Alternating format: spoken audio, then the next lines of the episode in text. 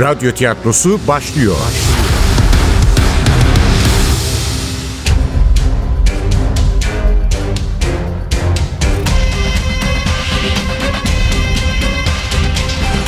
Sultanı Öldürmek 63. Bölüm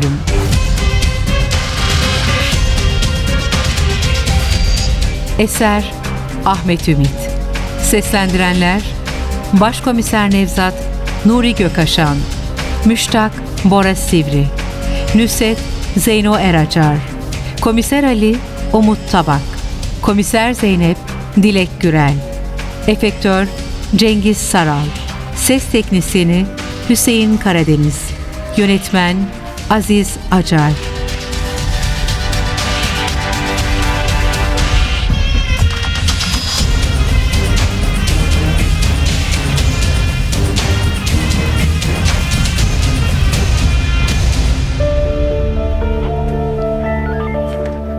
Ne diyordu bu Nevzat? Seyredeceğimiz de neydi? Elindeki uzaktan kumandanın düğmesine dokundu. Dün bu masanın üzerinde durduğundan kuşkulu olduğum televizyon ekranında önce karlı bir görüntü titredi. Ardından bir kuyumcu dükkanının içi göründü. Tezgahın gerisinde 30 yaşlarında bir adam gelen müşterilerle ilgileniyordu. İyi de bu kuyumcunun benimle ne ilgisi vardı? Soran gözlerimi Nevzat'a çevirdim. Dudaklarında ketum bir gülümsemeyle ekranı gösterdi. Yeniden kuyumcu dükkanına dönünce bir kadının tezgahtara yaklaştığını gördüm. Tanıdığım biri. Kimdi bu kadın yahu? Çantasından pembe nakışlı bir mendil çıkardı. Mendili açtı. İçinden tam seçemediğim yüzüğe, kolyeye, küpeye benzer bir ziynet eşyası çıkardı. Adam ziynet eşyasını aldı, usulca havaya kaldırdı, baktı. Kırmızı taşlı bir kolye. Hayır, iki taneydi. Adam ikincisine de baktı. Yoksa, yoksa küpeler mi? Çeşmi Lal'in küpeleri mi? Yine kimse açıklama yapmadı. Çaresiz ekrandaki tezgahtara döndüm. Adam küpeleri alıp teraziye yöneldi. Kadın da cam tezgahın bu tarafından onu izledi. Birden kadının yüzü canlandı hafızamda. Edepsizce bakan yeşil gözler. Fazilet! Nusret'in apartmanındaki temizlikçi kız. O mu almış küpeleri? Sadece küpeleri değil, gerdanlığı da almış. Yani siz doğru hatırlıyorsunuz. Cesedin boynunda gerdanlık yoktu. Peki gazetedeki resim? Orada vardı gerdanlık. Hem siz de bulmuşsunuz. Dün Zeynep Hanım'ın elindeydi çeşmelal. Çünkü fazilet yakalanmaktan korktuğu için yeniden yukarı çıkmış. Belki küpe fark edilmez ama koca gerdanlığın kaybolması dikkat çeker diye düşünmüş. Tabii ne siz onu gördünüz ne de o sizi. Yani benim ardımdan daireye mi gelmiş? Evet panik içinde güya kendini kurtarmaya çalışıyormuş. Ama kapıyı kapatmıştım. İçeri nasıl girmiş? Anahtarı varmış. Sezgin gibi Nüset'in evinin temizliğini de o yapıyormuş. Gerektiğinde yemek pişiriyormuş. Mektup açacağını göremeyince telaşa kapılmış. Gerdanlığı yeniden Nüset Hanım'ın boynuna takarak bir kez daha ayrılmış daireden tabii kapıyı yine aralık bırakarak. Böyle yaparsa eve yabancı birinin girdiğini zannedeceğimizi düşünmüş. Şimdi anlaşılıyor Sezgin'in kapı aralıktı demesinin sırrı. Yani faziletin yaptığı hırsızlık karıştırmış herkesin kafasını. Müştek hocam ne dediğimi anlıyor musunuz? Anlıyorum tabii. Ne var anlamayacak. Fazilet hırsızlık yapmış. Nusret'in cesedinin boynundaki gerdanlığı çalmış. Kötü bir şey. Yapmasa iyiydi ama genç kadın işte. Cazip gelmiş olmalı kırmızı yakutlar. Tutamamış demek ki kendini. Evet tutamamış kendini. Ama sadece hırsızlık değil. Cinayet de işlemiş. O cazip yakutlar uğruna. Kim cinayet işlemiş? Ya niye anlamıyorsunuz hocam? O kadın işte. Fazilet. Fazilet mi? Yani... Yani o mu? O, Nüset Hanım'ı öldüren kişi Fazilet. Önce Çeşmilal'in küpelerini çalmış. Nüset Hanım fark etmemiş. Ta ki yemek davetinin olduğu akşama kadar. O akşam Fazilet de evdeymiş. Yemeklere filan yardım için. Ev sahibesi muhtemelen size hoş görünmek amacıyla çeşmi lali takmak istemiş. Gerdanlığı boynuna geçirmiş ama bakmış ki küpeler yok. Çünkü Fazilet günler öncesinden küpeleri yürütüp kapalı çarşıdaki kuyumcuya satmış. O eve bu genç kadından başka giren çıkan olmadığını bilen Nüset Hanım sıkıştırmış. İtiraf edeceksin demiş. Yoksa seni hapse attırırım. Fazilet de korkuya kapılıp sehpanın üzerinde duran mektup açacağını kaptığı gibi saplamış ev sahibesinin boynuna. Bir varsayım mı bu? Rahatlayın artık hocam. Varsayım filan yok. Gerçeklerden söz ediyoruz burada. Siz katil filan değilsiniz. Fazilet suçunu itiraf etti zaten. Etmese de önemi yok. Çeşmi Lal'ın üzerinde bulduğumuz parmak izleri, giysilerindeki kan lekeleri katil olduğunu kanıtlamaya yetiyor. O kızıl saçlı, cin bakışlı, önden iki dişi eksik kız suçlu suçlu gülümsedi sisler arasından. Nedense üzülmüştüm onun bu haline. Ee, eminsiniz değil mi? Nusret'i o kız mı öldürmüş? Eminiz hocam. Elimizdeki bulgular öyle söylüyor. Katil de öyle diyor. Bir tek siz emin değilsiniz. Yoksa katil olma fırsatını kaçırdığınıza mı üzülüyorsunuz? Karmaşık duygular içindeydim. Bir yanda coşkulu bir sevinç, bir yanda derin bir utanç. Y- Yok, yok öyle demek istemedim. S- Size çok teşekkür ederim. Büyük bir yanılgıdan kurtardınız beni. Hepinize minnettarım. Ama insan şoka uğruyor. Yani kendimi katil zannederken başka bir hem de hiç ummadığım biri çıkınca bir de şu hafızamı kaybettiğim anlar. Demek ki sokaklarda vakit öldürmüşüm. Evet, öldürdüğünüz tek şey vakit olsa gerek. Ayrıca faziletin Sezgin'le ilişkisi varmış. Yoksa Sezgin de mi? O da mı işin içindeymiş? Bilmiyoruz ama o ihtimali de göz ardı etmiş değiliz. Fazileti kullanarak halasından kurtulmak istemiş olabilir. Çünkü Nüset Hanım'ın ölümünden en büyük yararı sağlayan kişi Sezgin. Tıpkı Fatih Sultan Mehmet'in ölümünden en büyük yararı sağlayan kişinin ikinci Beyazıt olması gibi. Umarım Nusret'in ölümündeki esrar Fatih'inki gibi 500 küsür yıl sürmez. Merak etmeyin hocam. Bu dosyada hiçbir şey karanlıkta kalmayacak. Hem biz polisler siz tarihçilere göre oldukça ilerideyiz. Siz henüz Fatih'in zehirlenip zehirlenmediğini bile bilmiyorsunuz. Oysa biz katili yakaladık bile. E çok zor değil ki bunu kanıtlamak. Bir saç teli, bir tırnak parçası bile yeter zehirlenip zehirlenmediğini öğrenmek için. Basit bir toksikoloji incelemesi. Önemli olan toksikoloji incelemesi değil Zeynep'ciğim. Mesele insanların gerçekleri öğrenmeyi isteyip istememesi.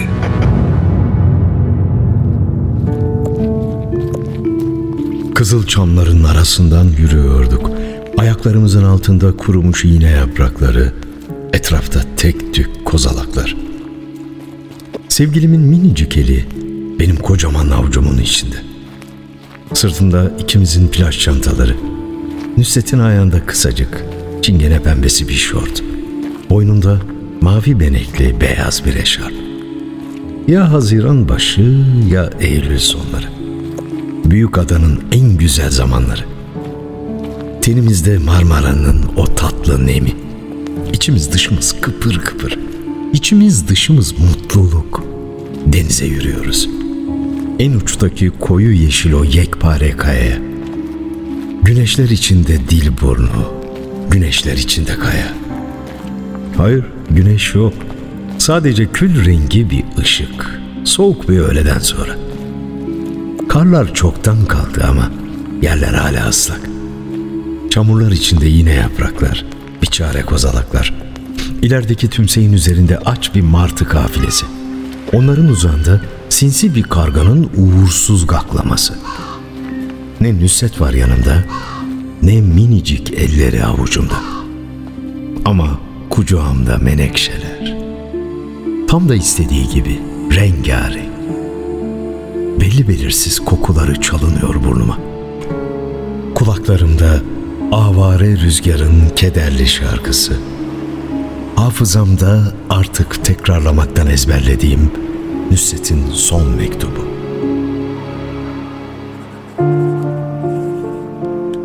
Merhaba Müştak. Biliyorum çok geç kaldım. Biliyorum çok daha önceden yazmalıydım sana. Yapamadım. Dürüst olacağım. Yapamadım değil. Yapmadım.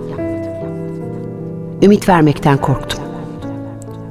Seni yeniden hayal kırıklığına uğratmaktan. incitmekten. Aradan geçen bunca yıldan sonra belki de senin değişmiş olduğunu umarak kalemi elime alabilirdim nihayet. Dışarıdan bakıldığında hataymış gibi görünmüyor. Chicago'ya gitmekten söz ediyorum.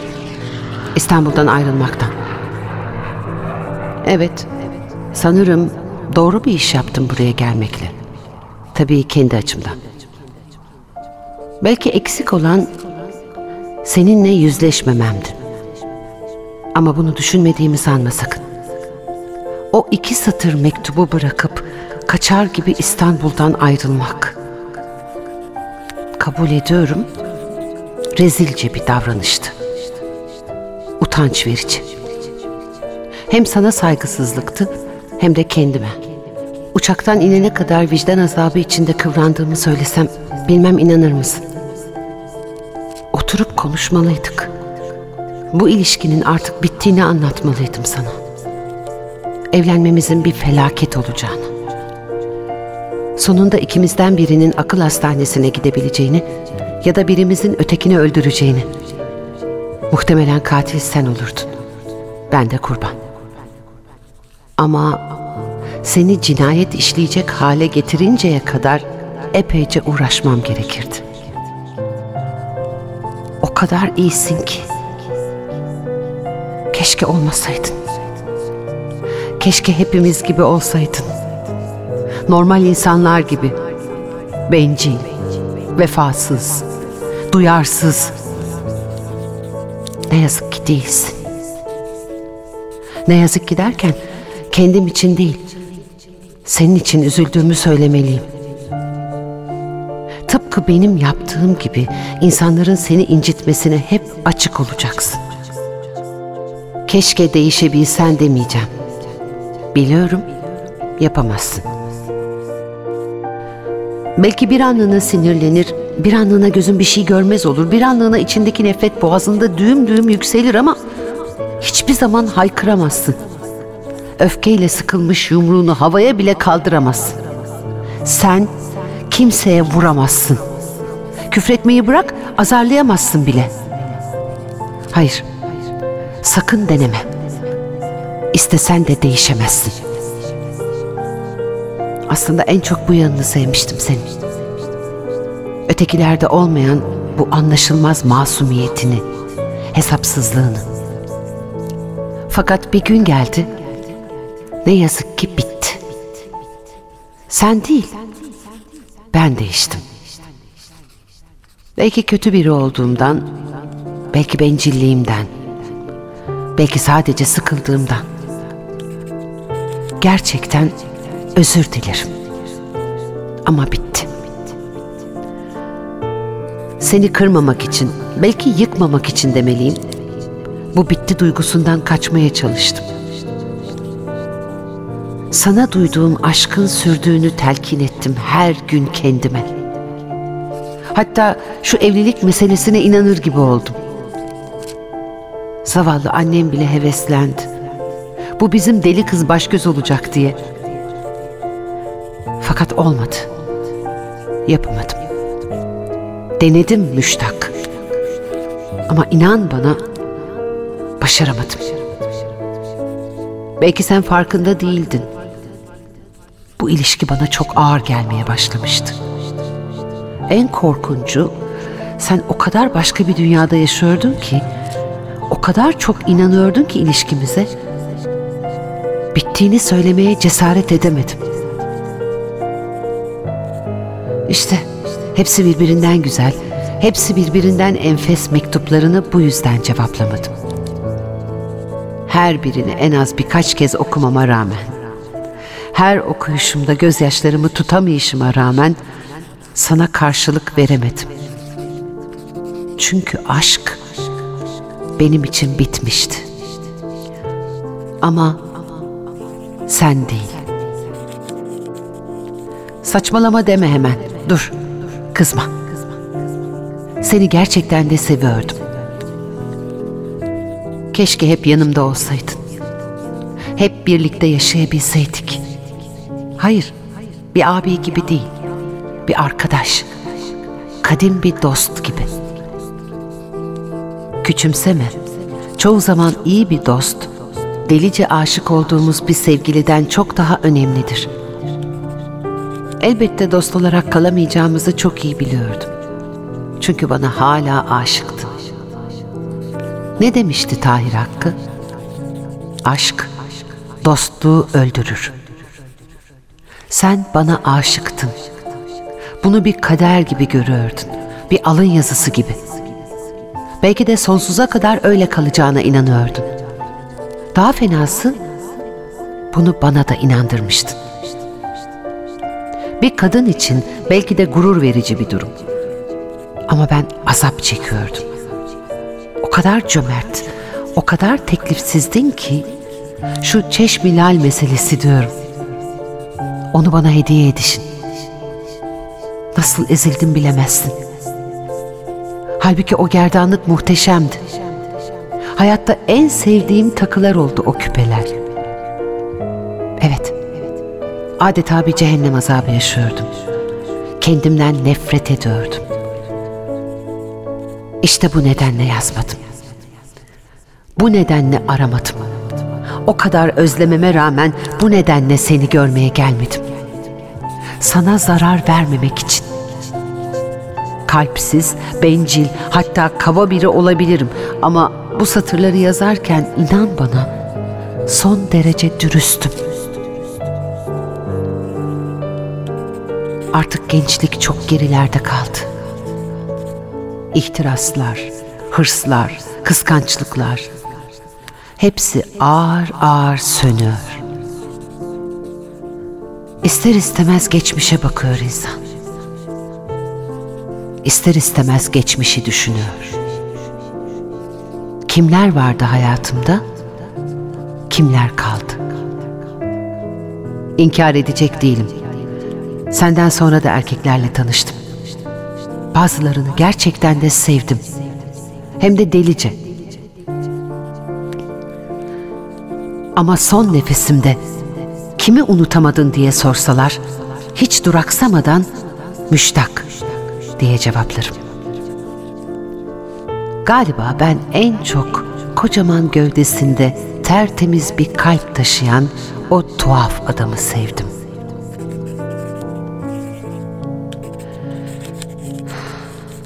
Bu mektubu sana yollayabilir miyim hala emin değilim. Ama bir gün okursan beni bağışlamanı çok isterim. Çünkü hayatımda en büyük kötülüğü sana yaptım. Hem de hiç istemediğim halde.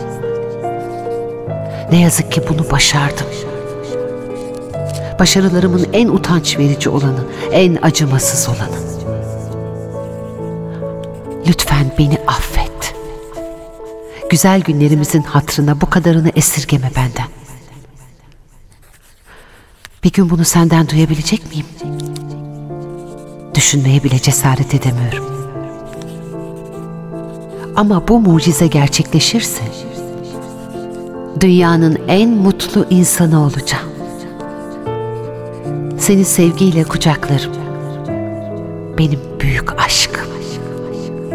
Gerçek arkadaşım. Kadim dostum. Hak ettiğinden çok fazlasını verdiğin vefasız sultanın Nüset. kelimesi kelimesine böyle yazmıştı eski sevgilim. Elbette bağışladım onu. Bu mektubu yazmasaydı da, hiç okumamış olsaydım da bağışlardım zaten. Başka türlüsü elimden gelmezdi ki. Artık Nusret'in tavsiyesine uygun yaşayacağım. Tabii becerebilirsem.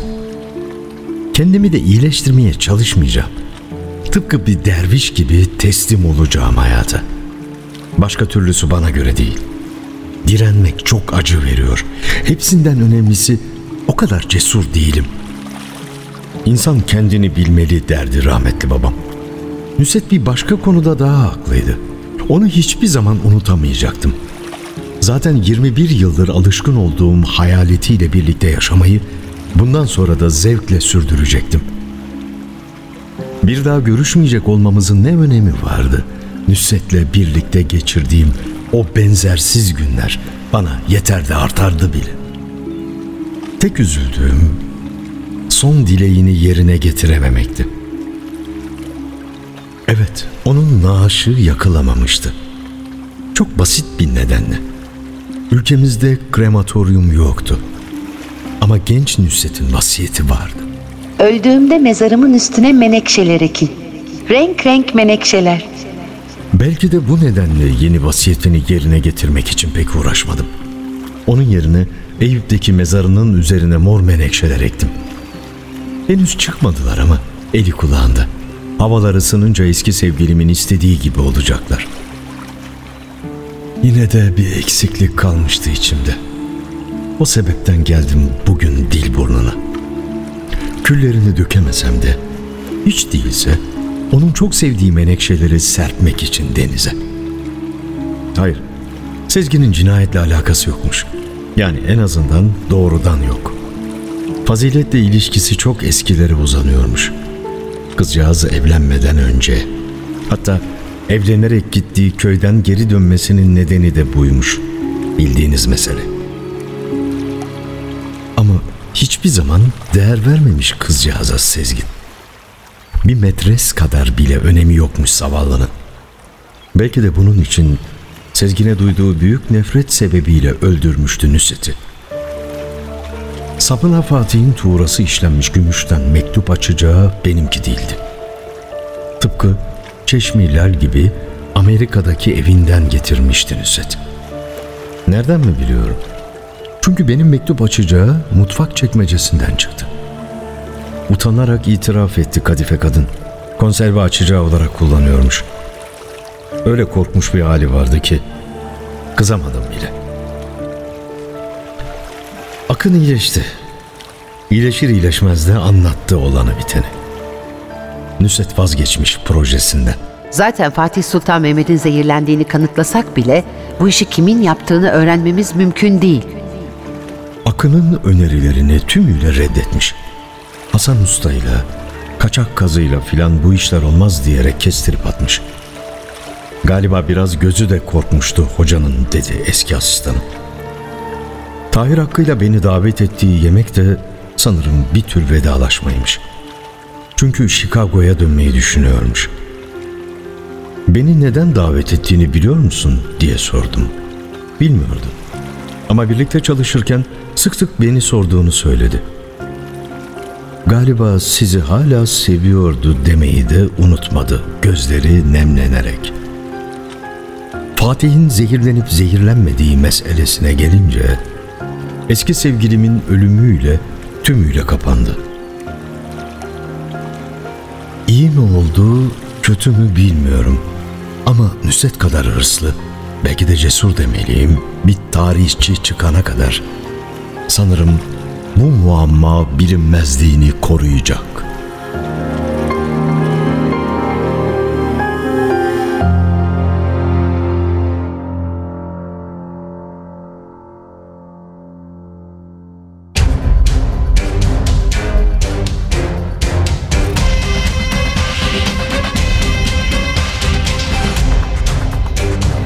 Sultanı öldürmek.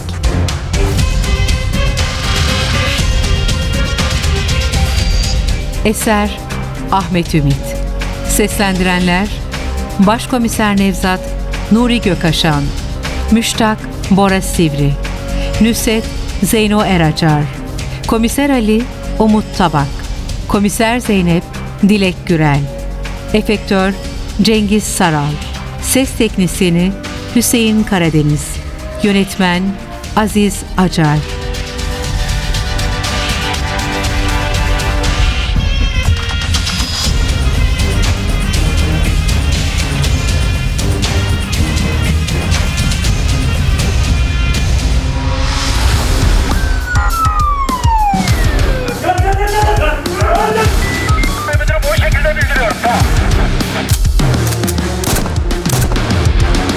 Radyo tiyatrosu sona erdi.